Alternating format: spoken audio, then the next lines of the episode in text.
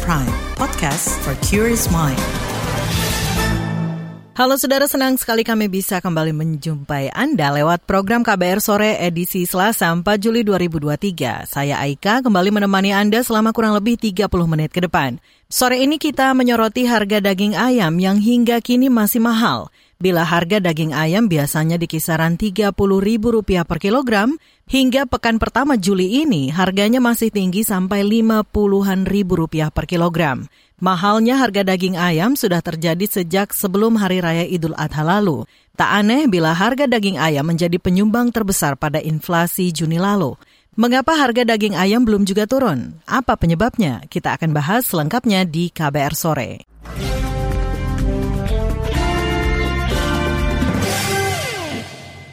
Saudara, sejak pekan lalu Presiden Joko Widodo menyebut kenaikan harga daging ayam di pasar terlalu tinggi. Ketika memantau harga-harga komoditas di Pasar Palmerah, Jakarta Barat sebelum Idul Adha, Jokowi menduga ada masalah pada suplai daging ayam. Yang naik agak tinggi memang daging ayam. Biasanya di harga 30, 32 ini sudah mencapai 50. Kan saya cek, mungkin ada problem di suplainya, pasokannya karena jelang Idul Adha?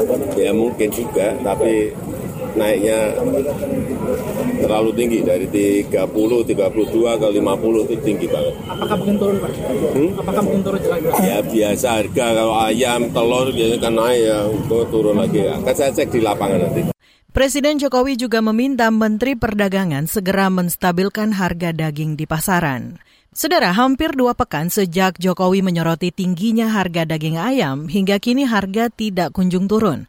Bahkan Deputi Bidang Statistik Distribusi dan Jasa Badan Pusat Statistik BPS, Puji Ismartini merinci, hingga pekan terakhir Juni kemarin, kenaikan harga daging ayam terjadi di hampir 200-an kabupaten kota se-Indonesia bahwa kenaikan harga komoditas uh, beberapa komoditas ini terjadi di beberapa kabupaten kota di minggu keempat seperti yang terbanyak ini adalah daging ayam ras terjadi kenaikan harga di 196 kabupaten kota jadi yang pertama ini adalah untuk komoditas daging ayam ras ya. Daging ayam ras ini mengalami kenaikan harga di sebagian besar wilayah baik di Sumatera, Jawa, Kalimantan dan Sulawesi.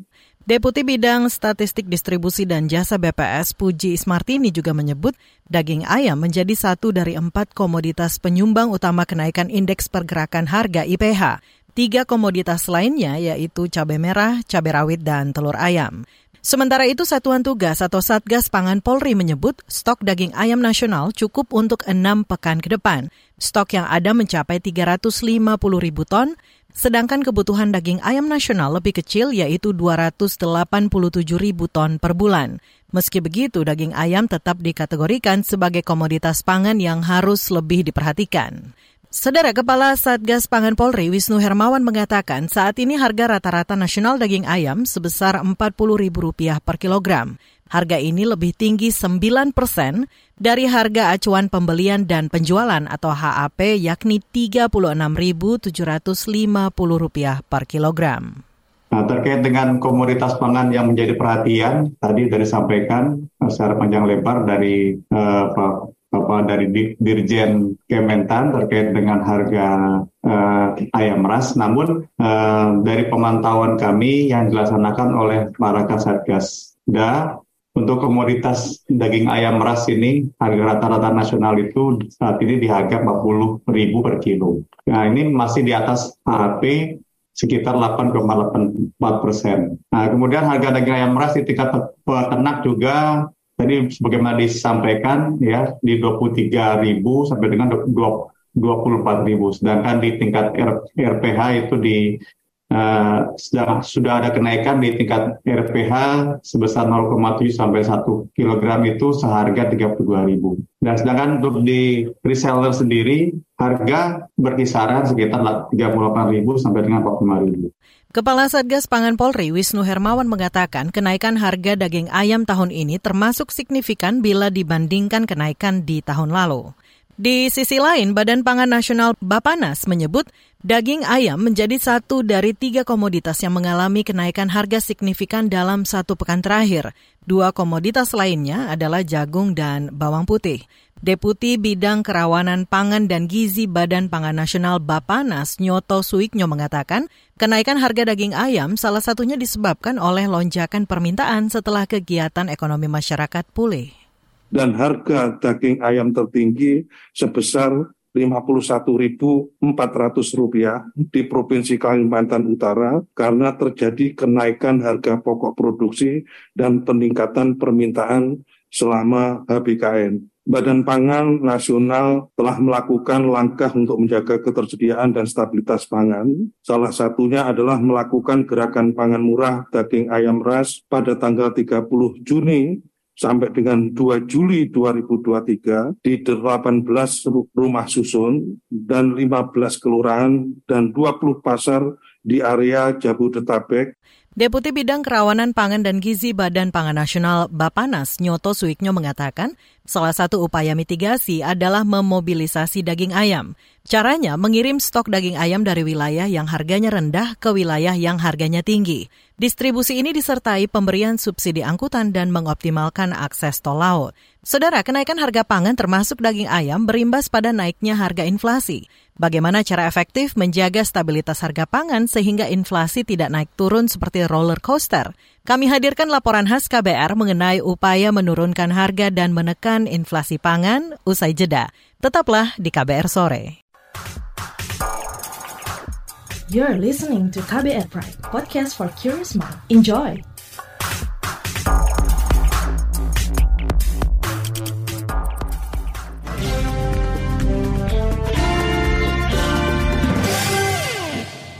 Saudara, pemerintah mewaspadai ancaman kenaikan harga dan inflasi sebab harga sejumlah komoditas seperti ayam, cabai hingga bawang mulai naik beberapa pekan belakangan.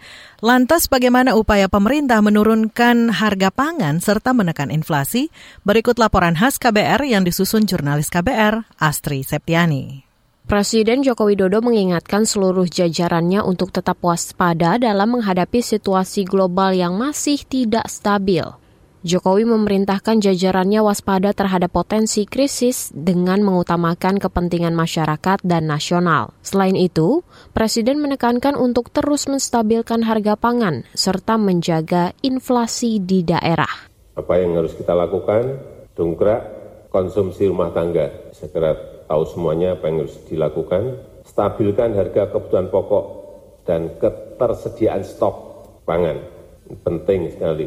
Terus jaga inflasi di daerah, dan pastikan capaian investasi sesuai target.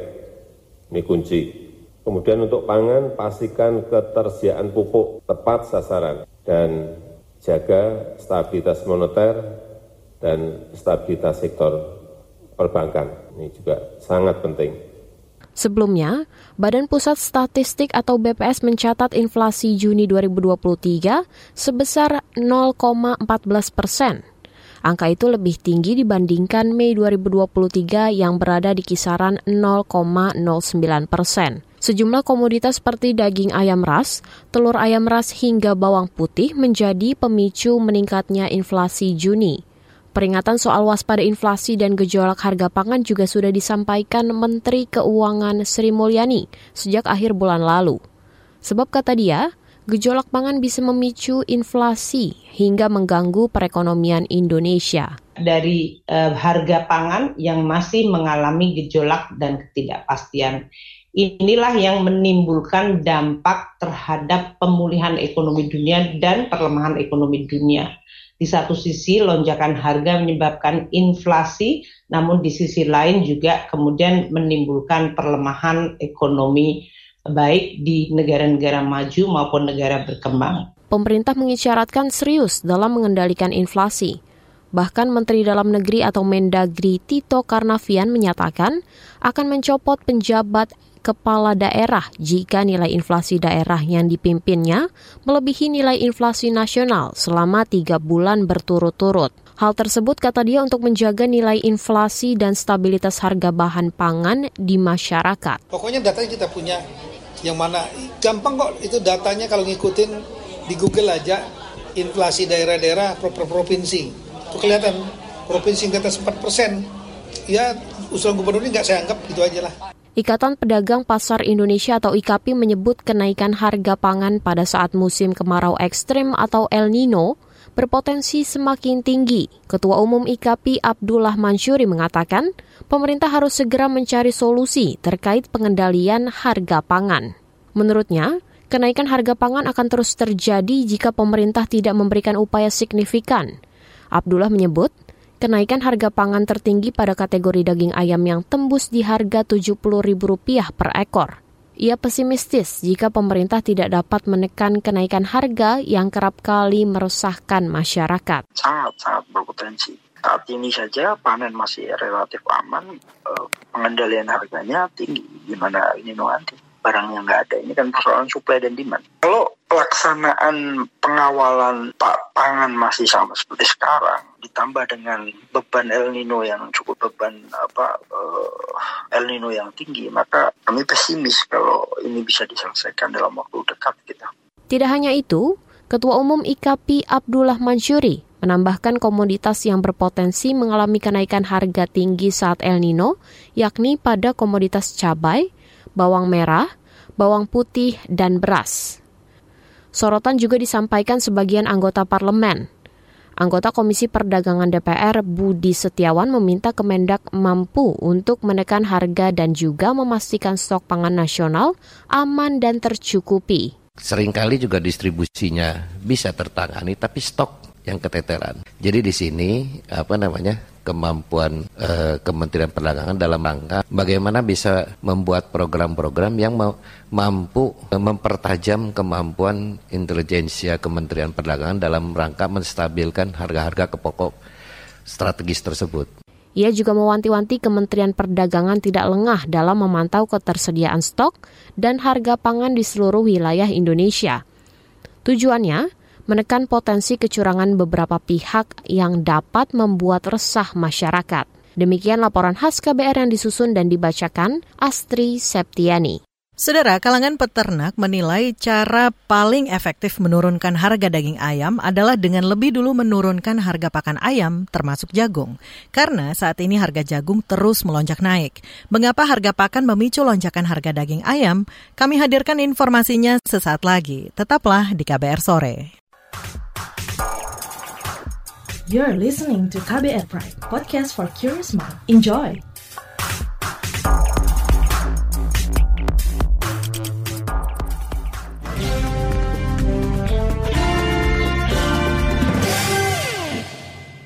Saudara, sejak sebelum Hari Raya Idul Adha lalu, harga daging ayam masih saja tetap mahal. Harga pakan ayam diduga menjadi penyebabnya. Gabungan Organisasi Peternak Ayam Nasional Gopan menyebut tingginya harga pakan ayam berdampak ke tingginya biaya pokok produksi para peternak ayam. Inilah alasan utama mengapa harga daging ayam masih belum kembali normal. Selengkapnya simak wawancara jurnalis KBR Ardi Ridwansyah dengan Sekretaris Jenderal Gabungan Organisasi Peternak Ayam Nasional Gopan, Sugeng Wahyudi. Menurut Anda, apa penyebab harga daging ayam naik? Saya klarifikasi, 60 ribu itu bukan daging ayamnya, tetapi filet filet itu uh, ini ayam yang sudah diambil dagingnya. Jadi ini harus diluruskan mas. Yang kedua, terkait dengan harga itu paling sekarang itu kalau di lokal ya, Bogor sini 38 sampai dengan 42. Hmm. Itu normalnya memang seperti itu. Nah, kenapa kok ini bisa terjadi? Dua tiga tahun yang lalu, dua, dua tiga tahun ke belakang ini, peternak Gopang atau peternak mandiri ini itu sebenarnya mensubsidi. Kenapa kok mensubsidi? Karena harganya itu di bawah biaya pokok produksi.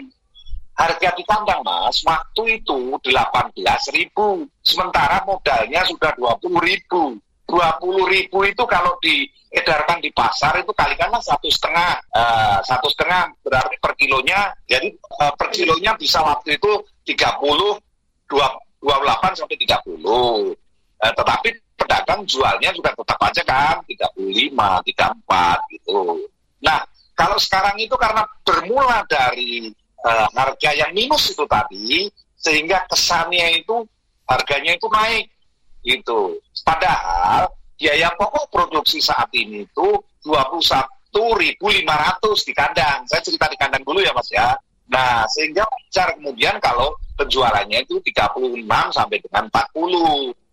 Yang nggak wajar itu kalau jualnya itu 60. Pasti itu ada masalah.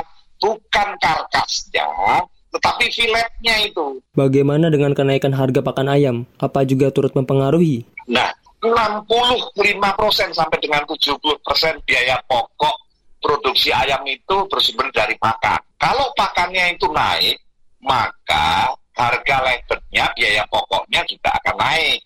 Nah, katanya nih, jagung itu mahal. Hmm. Terus kemudian tepung uh, bungkil kedelai dan atau tepung ikan naik. Itu impor. Nah, ke ketersediaan jagung dalam negeri itu katanya eh, enam ribuan. Tapi benarkah enam ribu? Nah itu yang harus dicek lapangan. Jadi cara untuk bisa menurunkan biaya pokok produksi adalah dengan cara menurunkan harga pakan. Nah harga pakan turun jika jagung juga turun. Karena 40 sampai dengan 40 persen kira-kira eh, eh, dipenuhi dari jagung pakan ayam itu. Itu sehingga itu alasan dari pabrik pakan untuk menaikkan harga. Apa yang mesti dilakukan pemerintah untuk menstabilkan harga daging ayam? Jadi saya kira itu juga yang harus pertama uh, untuk untuk diperbaiki adalah tentang kualitas dan harga dari pakan ayam. Kalau pakan ayam itu bisa diturunkan, yang lain akan bisa turun. Tetapi menjadi problem kalau pakan ayamnya itu tidak turunkan, sementara peternak suruh menurunkan harga jualnya. Itu akan terjadi kerugian. Yang terjadi kemudian animo atau jumlah peternaknya akan berkurang seperti tahun sebelumnya. Yang terjadi nanti subsidi itu peternak itu. Itu. Itu tadi wawancara jurnalis KBR Ardi Ridwansyah dengan Sekjen Gabungan Organisasi Peternak Ayam Nasional Gopan, Sugeng Wahyudi. Saudara, apa pendapat ekonom tentang penyebab mahalnya harga daging ayam? Sesaat lagi akan kami hadirkan wawancara dengan ekonom dari Indef. Tetaplah di KBR Sore. You're listening to KBR Pride, podcast for curious mind. Enjoy!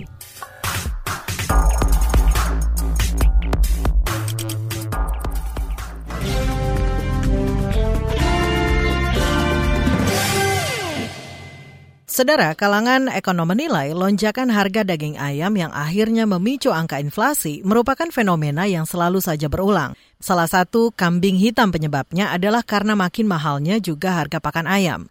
Ekonom dari lembaga Indef, Eko Listianto menyarankan pemerintah memperkuat koordinasi demi menjaga kelancaran suplai daging ayam. Berbarengan dengan itu, pemerintah juga harus menurunkan harga pakan ayam sambil menyediakan pula komoditas alternatif pengganti seperti daging sapi. Jurnalis KBR Hoirunisa mengulik pendapat ekonom Indef Eko Listianto tentang bagaimana pemerintah harus menyiapkan strategi jangka pendek dan panjang agar kenaikan harga daging ayam tidak terus berulang saban tahun. Berikut petikan wawancaranya. Mengenai harga daging ayam yang melonjak, bagaimana hal tersebut bisa memicu inflasi? Ya ini memang salah satunya kendala yang saya rasa terus berulang sih ya kalau di persoalan daging ayam ini. Pertama ya penyebabnya tentu saja kalau dari sisi biaya produksi itu ada bahan pakan ya, pakannya sendiri itu sudah ya bisa dikatakan cukup mahal begitu Mbak. Sehingga implikasinya kepada harga jual kan begitu. Ini problem utamanya di situ gitu. Jadi ketika harga pakannya naik, ya itu akan menghit ya kepada harga jual produk yang juga meningkat gitu karena ini ya faktor uh, biaya produksi tadi begitu. Terus yang kedua juga kalau kita lihat ya ini pandemi sudah bisa dikatakan selesai, jadi di sektor makanan itu uh, sebetulnya ya konsumsinya meningkat gitu ya. Artinya masyarakat kan karena udah mulai ya kehidupan normal lagi, tentu demand atau permintaan terhadap protein ya khususnya dari daging ayam itu juga akan kembali meningkat ya, semacam itu sih ya. Nah, kebetulan eh, kenapa ini memicu inflasi? Karena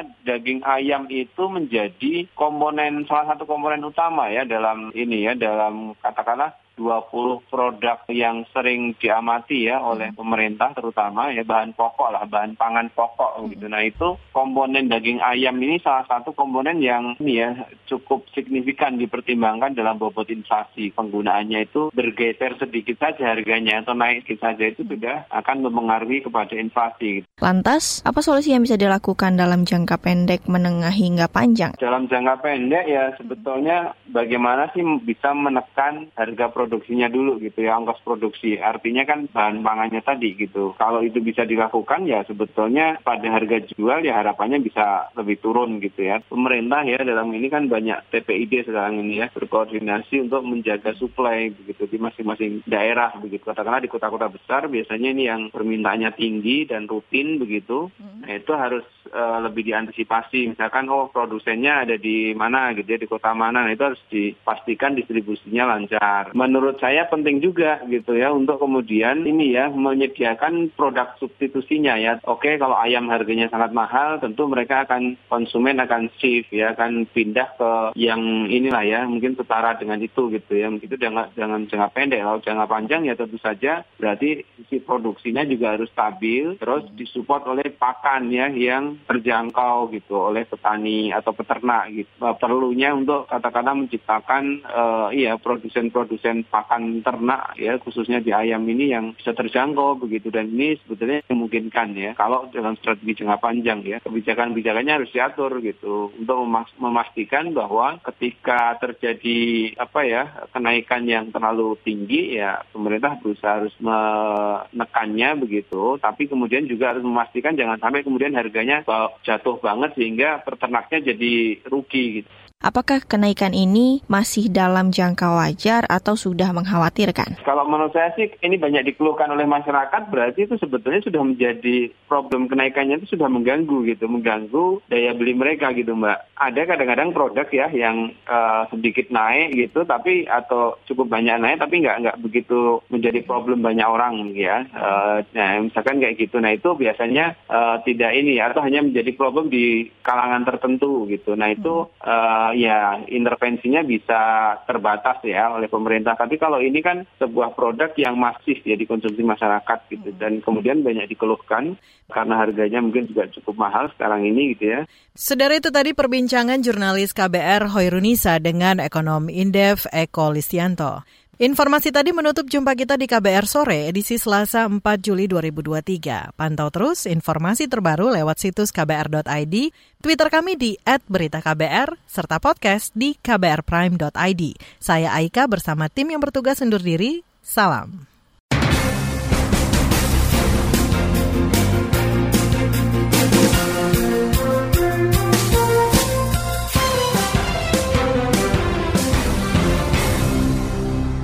KBR Prime, cara asik mendengar berita. KBR Prime, podcast for curious mind.